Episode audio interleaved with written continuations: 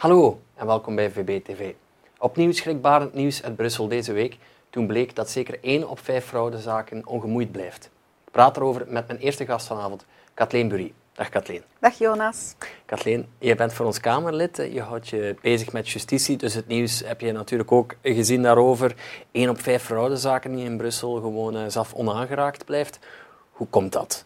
Ja, eerst en vooral, het uh, nieuws komt niet van ons. Het komt van de procureur-generaal, Johan Delmulle. Die heeft dat in de tijd uh, gezegd deze week. En niet alleen deze week, hij zegt dat al een hele tijd. Ook mm -hmm. in september verleden jaar. Nu, hoe komt dat? Ja, er zijn dossiers, fraudedossiers, die een nummertje krijgen. Een nummer 1 is prioritair. Nummer 2 standaard. Nummer 3 is geen behandeling uh, nodig. Prullenmand. Ja.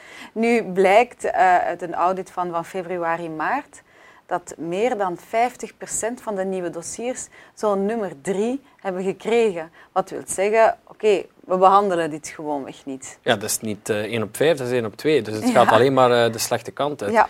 Ik kan mij ook niet van de indruk uh, ontdoen dat het heel hard lijkt op wat Annelies Verlinden, binnenlandminister, eerder besloot, zijnde om, om haar politiediensten niet langer fraude als prioritair te beschouwen.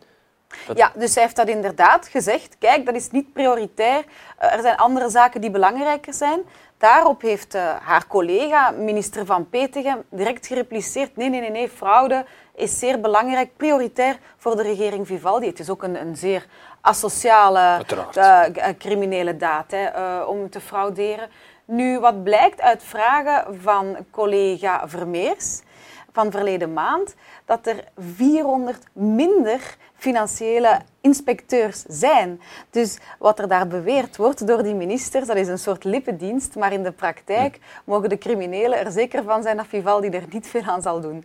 Ja, dus ondanks de praatjes van uh, meneer Van Petegem wordt er niet veel uh, van, van gebakken. Integendeel. Het lijkt erop, de justitiepatiënt is heel ziek. Uh, hopelijk is hij toch niet terminaal. Zijn er nog medicamenten?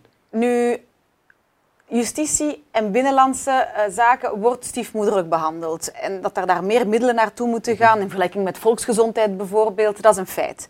Maar we moeten toch ook eens kijken of dat die middelen goed benut worden. We zien een verouderde IT-infrastructuur, maar we zien ook, uh, naar aanleiding van Saldus bijvoorbeeld, een nieuwe Saldus-wetgeving, nu niet meer nieuwe, de Saldus-wetgeving, dat politie meer op kantoor zit dan op straat met al die paparassen bezig. En die zaken moeten veranderen. We moeten komen tot een nultolerantie. Dat is altijd al het beleid van Vlaams Belang geweest, een nultolerantie. Je moet op straat komen, die zaken aanpakken, die zaken vervolgen en die zaken ook berechten.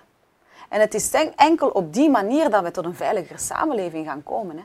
Ja, dus elk kenbaar strafbaar feit vervolgen. Absoluut. Oké, okay, Vlaams Belang, de Veiligheidspartij opnieuw. Bedankt voor uw komst, Katrien. Graag gedaan. Beste kijker, vooraleer we overgaan naar de reportage over onze campagne tegen deze torenhoge brandstofprijzen, vraag ik u nog graag om deze uitzending te liken en u zelf ook te abonneren als u dat nog niet deed. we stellen vast dat 1 op 2 Vlamingen het einde van de maand moeilijk kan halen. 1 op 2 Vlamingen laat zelfs zijn of haar auto staan. Die auto die nodig heeft om naar hun werk te gaan, om kinderen naar school te brengen. Nou, weet u dat er immens veel belastingen nog steeds worden gegeven op brandstof? De belasting is 41 procent. Dat moet naar beneden. Dat moet naar het Europees minimum. De BTW op brandstof moet naar 6 procent. En we moeten gewoon eerlijk zijn. Het staat de mensen het water aan de lippen. Wij laten de mensen niet in de steek. Noodtoestand is noodmaatregelen. We moeten rijden betaalbaar houden.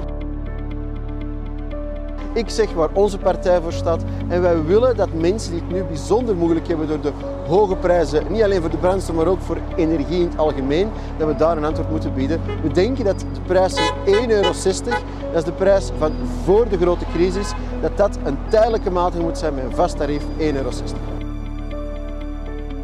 Wij vinden dat er een maximumtarief van 1,60 euro per liter moet ingevoerd worden. Enkel op die manier kunnen we garanderen dat mensen niet in energiearmoede vervallen. Want denken die mensen in Brussel dat onze mensen de auto gebruiken voor hun plezier?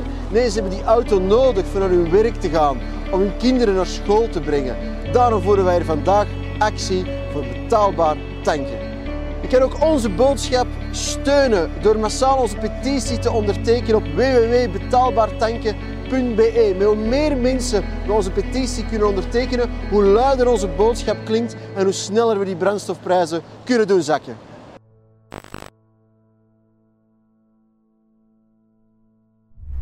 De brandstofprijzen die moeten naar omlaag. Wat ook nog veel beter kan, is ons openbaar vervoer. Ik praat erover met mijn tweede gast vanavond, Wim Verheijden. Dag Wim, welkom. Dag Jonas.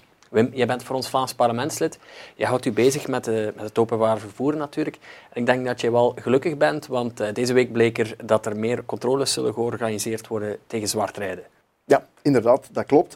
Uh, de lijn heeft inderdaad aangekondigd dat vanaf april men opnieuw uh, zal gaan controleren op het niveau van voor de coronapandemie. En dat is een goede zaak. want zwartrijden is bijzonder asociaal en het kost de lijn en dus ook eigenlijk ook de belastingbetaler bakken geld. nu, tijdens de coronapandemie werd er vooral gecontroleerd op het uh, dragen van het mondmasker. Dat is ergens te begrijpen, maar ik vond het toch altijd vreemd waarom men geen twee vliegen in één klap kon slaan. Men kon perfect controleren op de mondmaskerplicht en tegelijkertijd nagaan of iemand een, uh, een geldig ticketje had. Want uh, corona had ook tot gevolg dat mensen niet meer vooraan konden opstappen op de bus, dat men het achteraan moest doen. Precies. Dus minder sociale controle. Dus eigenlijk stond het in de sterren geschreven dat er veel meer zou zwart gereden worden. Mm Ik denk wel misschien dat je een belangrijk feitje aan het vergeten bent. Dat zal uh, omwille van uw bescheidenheid zijn. Maar dat er meer controles op uh, zwartwerk komen, of, of beter zwartrijden komen, dat is toch ook door jou toedoen en, en door het toedoen van het Vlaams Belang. Hè? Uh, dankjewel, dankjewel. Maar we kunnen dat inderdaad zo wel stellen. ik heb trouwens vorige week minister Peters nog ondervraagd hè, over die lamentabele aanpak van dat zwartrijden.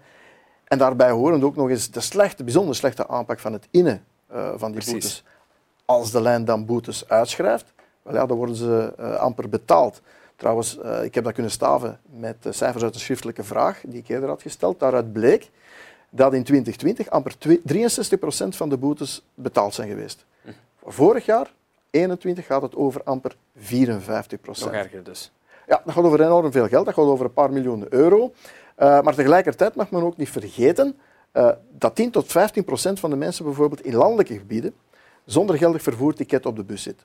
In stedelijke agglomeraties, zoals Gent, Antwerpen, loopt dat zelfs op tot 50 procent. Wel, neem die bedragen samen. Hè. Voor, voor dat zwartrijden alleen al gaat het om 30 miljoen euro. Die boetes en dat zwartrijden, neem die uh, cijfers samen. Dat gaat over miljoenen euro's die de lijn zomaar eventjes door de vingers laat glippen, omdat men gewoon ja, veel te laks met het probleem omgaat. Maar tegelijkertijd kan die Vlaamse regering dan wel de tickets, bijvoorbeeld de prijzen voor de tickets voor de laagste tickets, met 75% laten stijgen. Dus de brave burger die gaat betalen en de fraudeurs die blijven gewoon rustig profiteren.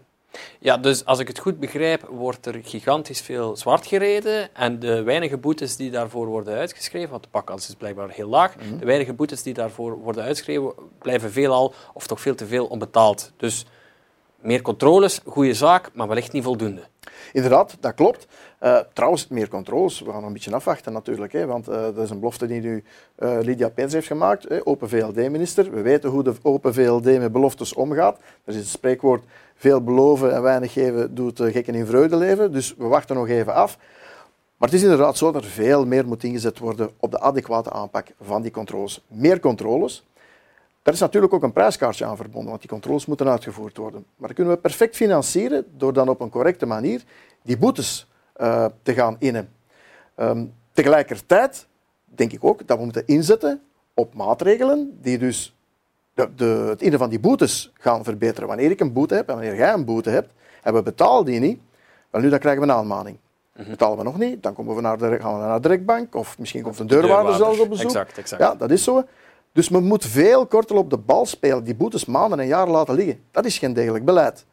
Tegelijkertijd moet er ook ingezet worden op, uh, repressie, uh, op uh, preventie. preventie. Inderdaad.